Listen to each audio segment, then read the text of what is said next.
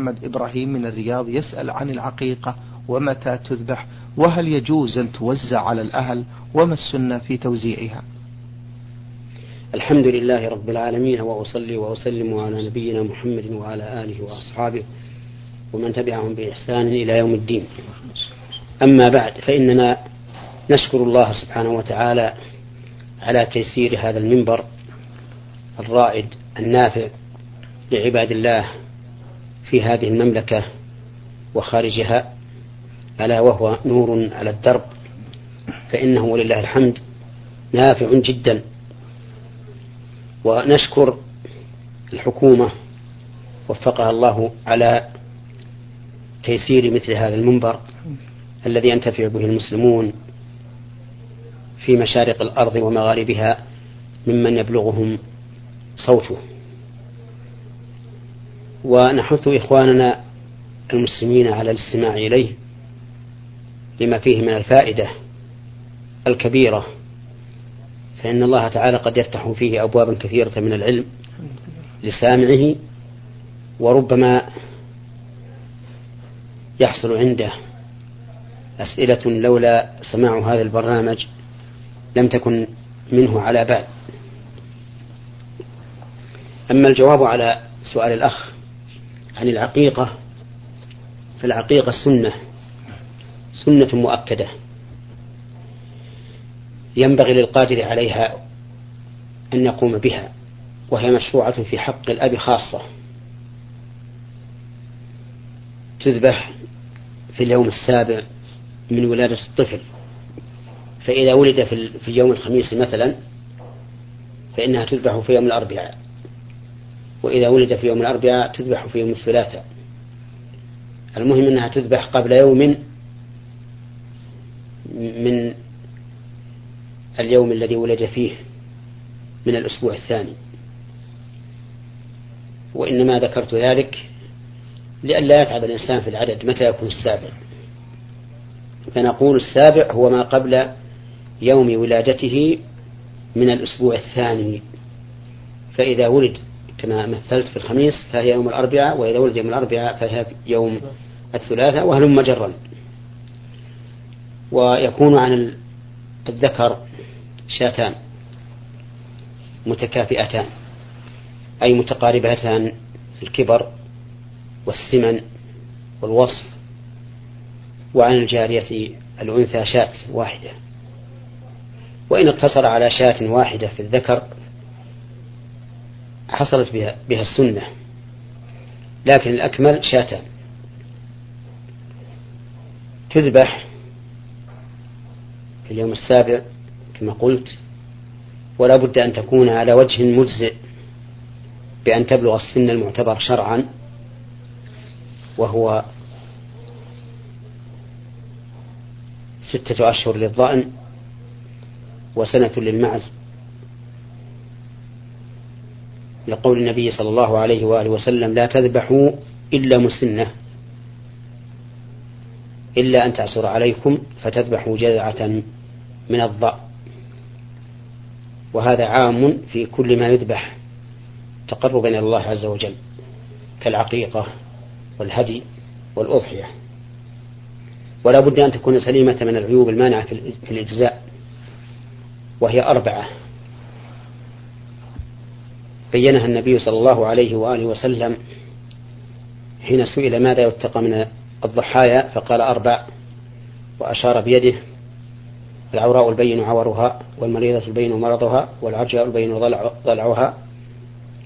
والعشفاء يعني الهزيلة التي لا تنقي أي ليس فيها مخ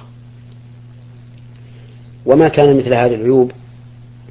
فإنه بمنزلتها أما كيف تؤكل وتوزع فإنه يؤكل منها ويهدى ويتصدق وليس هناك قدر لازم اتباعه في ذلك يأكل ما تيسر ويهدي ما تيسر ويتصدق بما تيسر وإن شاء جمع عليها أقاربه وأصحابه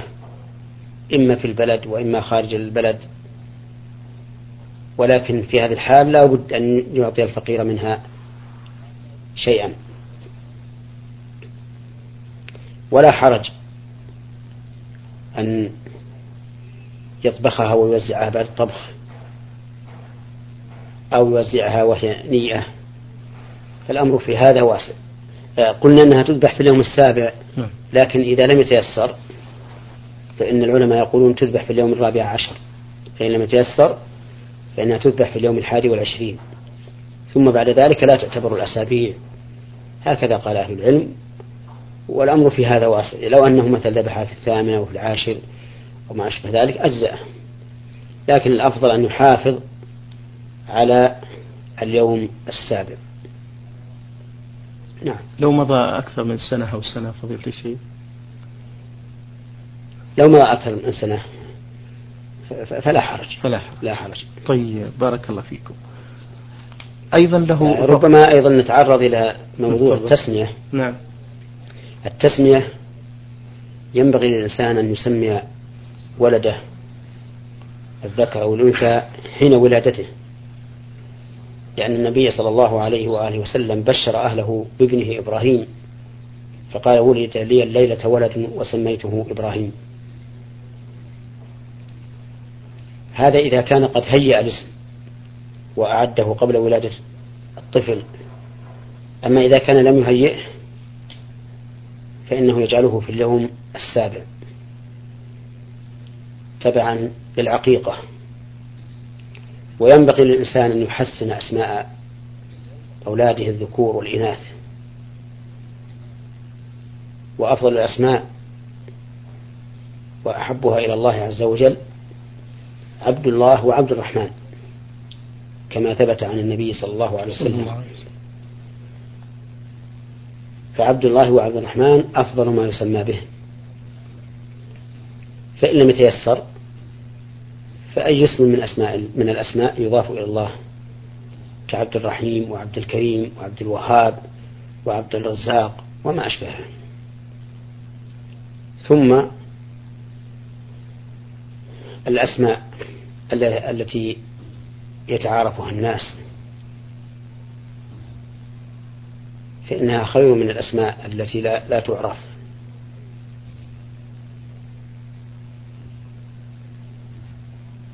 وقد اشتهر عند العامة ما يروونه حديثا عن النبي صلى الله عليه وسلم أنه قال خير الأسماء ما حمد وعبد ولكن هذا لا أصل له ولا تصح نسبته إلى رسول الله صلى الله عليه وآله وسلم نعم بارك الله فيكم هذا المستمع محمد أحمد يقول ما الحكمة فضيلة الشيخ من مشروعية الطلاق الحكمة من مشروعية الطلاق ليست واحدة بل هي متعددة وذلك أن الطلاق له أسباب منها أن تكره المرأة زوجها فإذا كرهت المرأة زوجها فإنه يستحب له إذا رأى أن بقاءها عنده يلحقها به هم وغم ونكد فإن الأفضل أن يطلقها طلبا لراحتها وهذه من الحكم أن يفك أسر هذه الزوجة التي تكره المقام عنده بل تكره المقام عنده وتسلم من النكد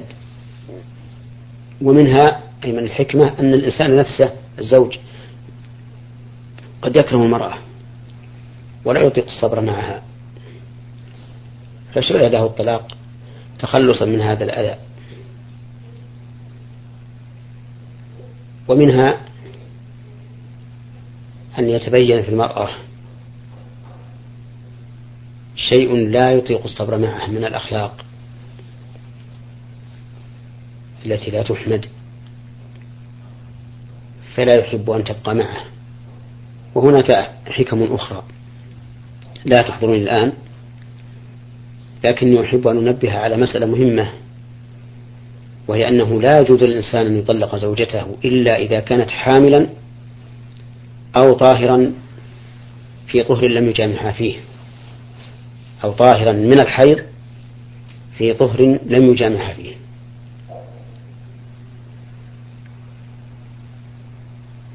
فإذا كانت حاملا فإن طلاقها طلاق سنة نافذ لقول الله تعالى في سورة الطلاق وأولاة الأحمال أجلهن أن يضعن حملهن وما اشتهر عند العامة أو عند بعض العامة من أن طلاق الحامل لا يقع فلا أصل له لا في الكتاب ولا في السنة ولا عند أهل العلم بل الحامل يقع عليها الطلاق أما غير الحامل فلا يطلقها في حال الحيض ولا يطلقها في طهر من الحيض قد جمعها فيه لقول الله تعالى يا أيها, الذي يا أيها النبي إذا طلقتم النساء فطلقوهن لعدتهن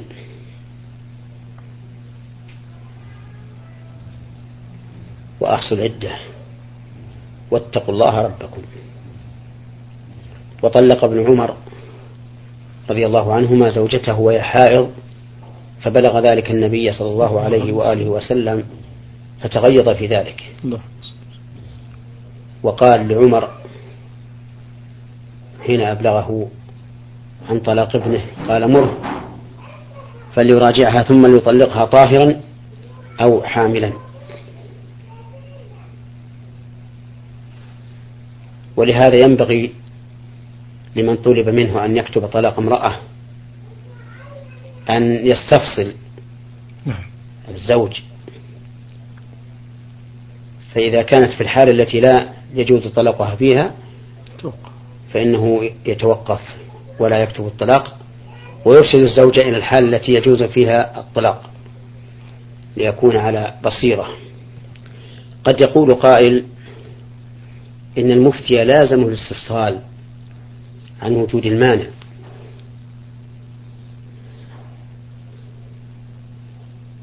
ولهذا لو سألك سائل فقال هلك هالك عن أب وأم فإنه لا يلزمك أن تسأل هل الأب رقيق أو حر هل هو قاتل أو غير قاتل هل هو مخالف الدين أو غير مخالف فنقول الأمر كذلك أن المفتي لازمه السؤال عن وجود المانع لأن الأصل عدمه لكن لما كان كثير من الناس اليوم يجهلون أحكام الطلاق صار من المناسب أن يسأل من أراد الطلاق ليعرف هل في زوجته مانع يمنع وقوع الطلاق أم لا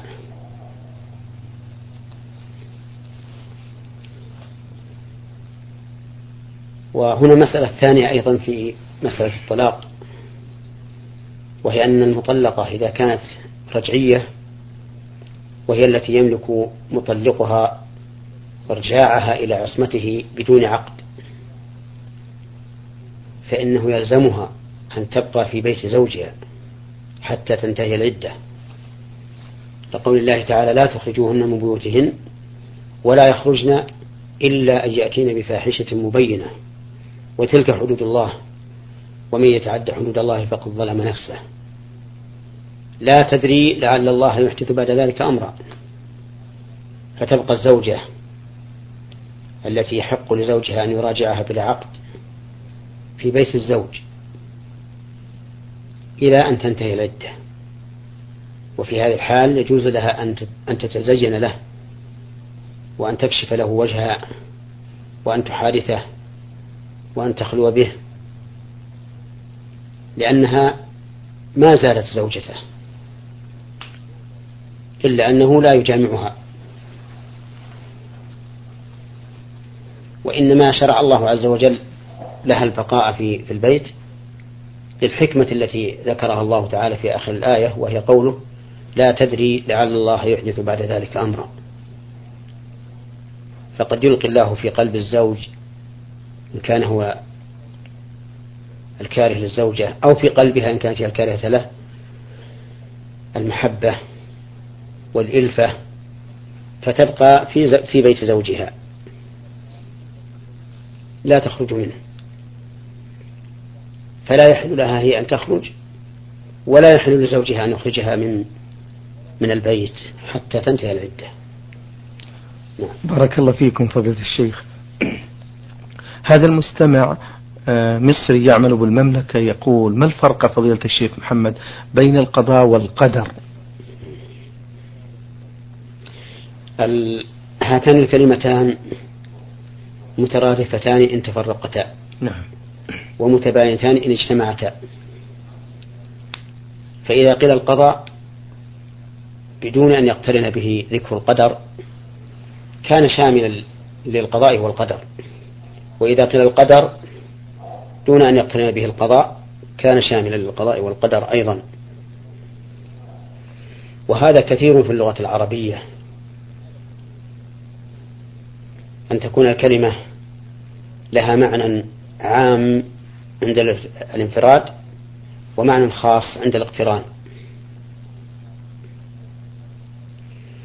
فإذا قيل القضاء والقدر جميعا صار القضاء ما يقضي به الله عز وجل من أفعاله أو أفعال الخلق والقدر ما قدره الله تعالى في الأزل وكتبه في اللوح المحفوظ وذلك أن المقدور سبقه تقدير في الأزل أي كتابة بأنه سيقع وقضاء من الله تعالى بوقوعه فعلا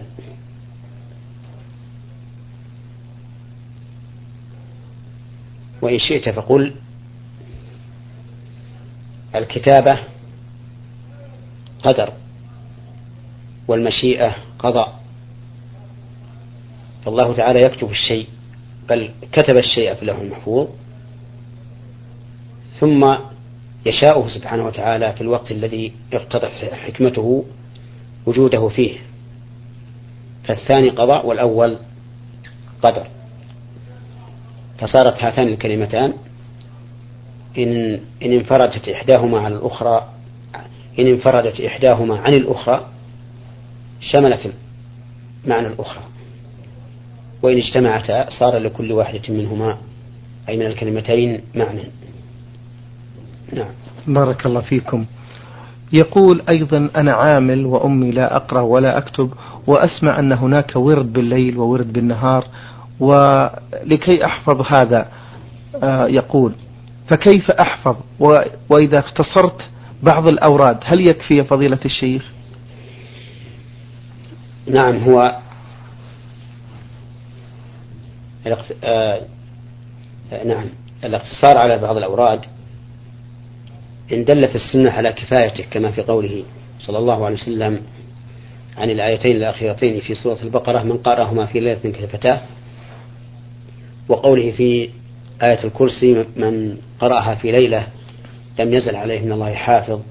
ولا يقربه شيطان حتى يصبح فالأمر واضح يكفي وأما إذا كان لابد من اقتران الورد بشيء آخر فإنه لا بد من هذا الشيء الآخر ومرجع السائل في هذه الأمور إلى الكتب المؤلفة في ذلك مثل كتاب الأذكار للنووي وكتاب الوابل الصيب لابن القيم وكتاب الكلمة الطيب لشيخ الإسلام ابن تيمية وغير ذلك مما ألف في هذا الباب فليرجع إليه السائل ليتبين له ما يريد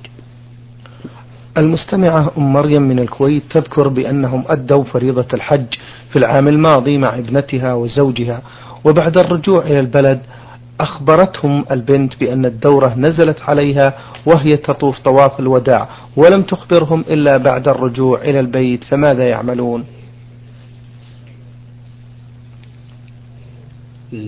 المرأة الحائض لا تطوف بالبيت لقول النبي صلى الله عليه وآله وسلم لعائشة رضي الله عنها حين حاضت قبل أن يصلوا إلى مكة قال افعلي ما يفعل الحاج غير أن لا تطوفي بالبيت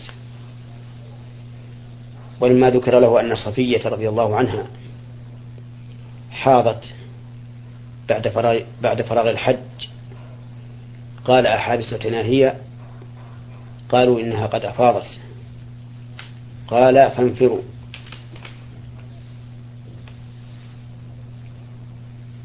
وهذا يدل على أن الحائض لا يمكن أن تطوف بالبيت لأن الحائض ممنوعة من المكث في المسجد لا من المرور فيه وإذا كانت ممنوعة من المكث في المسجد فالطواف مكث نعم. في المسجد الحرام وإن كان مكثا فيه حركة وعلى هذا فإن هذه المرأة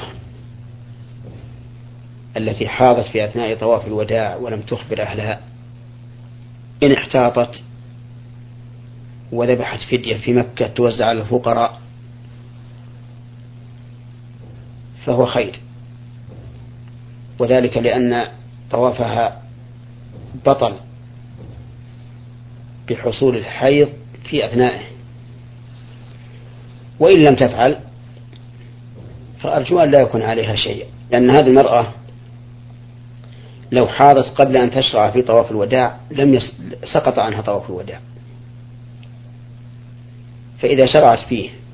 وهي طاهر ثم حاضت في أثنائه فقد فعلت ما أوجب الله عليها وسقط عنها بقية الطواف لوجود الحيض فلا يتبين وجوب الفدية عليها ولكن إن فدت فهو خير وإن لم تفدي فلا شيء عليها طيب بارك الله فيكم المستمعة مها من جدة تقول بأنها وحيدة أبيها تقول بأن أيضا والدي ولله الحمد خيره كثير وفي بعض الأوقات آخذ من نقوده وهو لا يعلم ولا يسألني بذلك هل آثم بذلك مع أن له أولادا آه، من زوجة ثانية مطلقة والأولاد يعيشون مع والدتهم في بيتها لا يحل لأحد أن يأخذ من أحد شيئا إلا بحق وهذه البنت إن كانت تأخذ من جيب والدها دراهم لحاجتها لذلك وأبوها إذا طلبت منه لا يعطيها فلا حرج عليها في, في هذا لأن هندا بنت عتبة سألت النبي صلى الله عليه وآله وسلم بل شكت إلى النبي صلى الله عليه وسلم زوجها بأنه لا يعطيها ما يكفيها وولدها قال خذي من ماله ما يكفيك ويكفي غنيك أما إذا كان أبو هذه المرأة السائلة لا يمنعها شيئا سألته مما تحتاج إليه فإنه لا يجوز لها أن تأخذ من من جيبه شيئا لا يعلم به ثم إنها إذا كانت لا تحتاج إلى شيء لا يحل لها أن تأخذ من جيب أبيها شيئا ولو علم بذلك إلا أن يعطي أولاده الآخرين ما يستحقون في مقابل هذه العطية وذلك أن الأب والأم يجب عليهما العدل في أولادهما فلا يعطيان أحدا دون الآخر فإذا كان أب عنده أولاد فإنه لا يخص واحدا منهم بشيء خارج عن حاجة النفقة دون الآخرين في حديث النعمان بن بشير بن سعد رضي الله عنهما أن أباه منحه عطية فسأل النبي صلى الله عليه وسلم عن ذلك أو فسألت أمه النبي صلى الله عليه وسلم عن ذلك فقال عليه الصلاة والسلام اتقوا الله واعدلوا بين أولادكم والعدل بين الأولاد يكون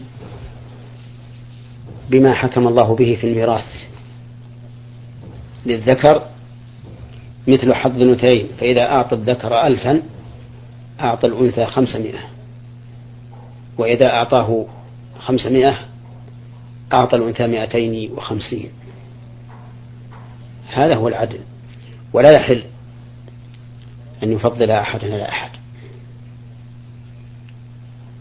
إلا على الوجه الشرعي كما ذكرت آنفا بأن يكون للذكر مثل حظ الأنثيين أما في النفقة فيعطي كل إنسان ما يحتاج ولو, ولو لم يعطي الآخر مثله إذا كان لا يحتاجه فإذا قدرنا أن أحد الأولاد يحتاج إلى كتب وإلى دفاتر وإلى أقلام والولد الآخر لا يحتاج إلى ذلك فإنه إذا أعطى الأول ما يحتاجه لم يلزمه أن يعطي الآخر مقابل ذلك وإذا كان أحد الأولاد محتاجا إلى الزواج فزوجه فإنه لا يلزمه أن يعطي الآخرين مثل ما أعطاه من المهر لأن هذا من باب دفع الحاجة لكن إذا بلغ الآخرون أن يتزوجوا فليزوجهم كما زوج الأول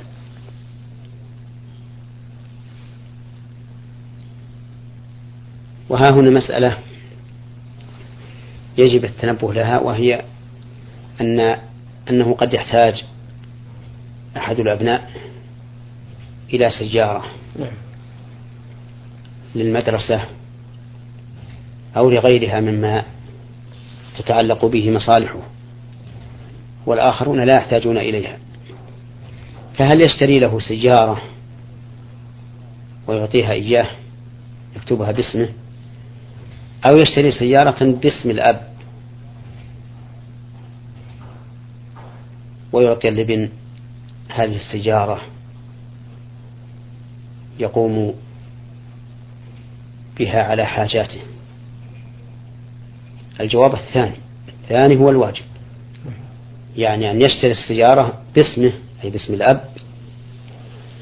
ويعطيها ويعطيها لبن يقضي بها حاجاته ولا يكتبها باسم الابن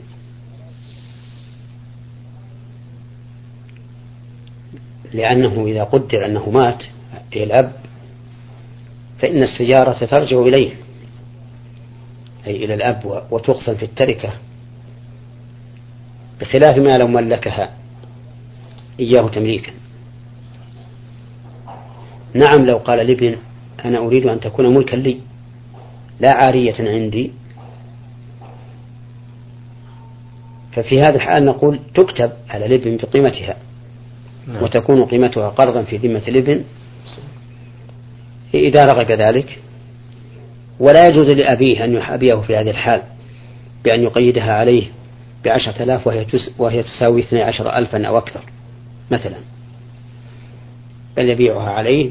أو يقيدها عليه بقدر ما تساوي لو اشتراها غير الابن نعم شكر الله لكم فضيلة الشيخ وبارك الله فيكم وفي علمكم ونفع بكم المسلمين أخوة الأحباب أجاب على أسئلتكم فضيلة الشيخ محمد بن صالح بن عثيمين الأستاذ في كلية الشريعة وصول الدين في القصيم وخطيب وإمام الجامع الكبير في مدينة عنيزة شكر الله لفضيلته شكرا لكم أنتم إلى الملتقى إن شاء الله والسلام عليكم ورحمة الله نور على الدرب برنامج يومي يجيب فيه أصحاب الفضيلة العلماء على أسئلة المستمعين البرنامج من تقديم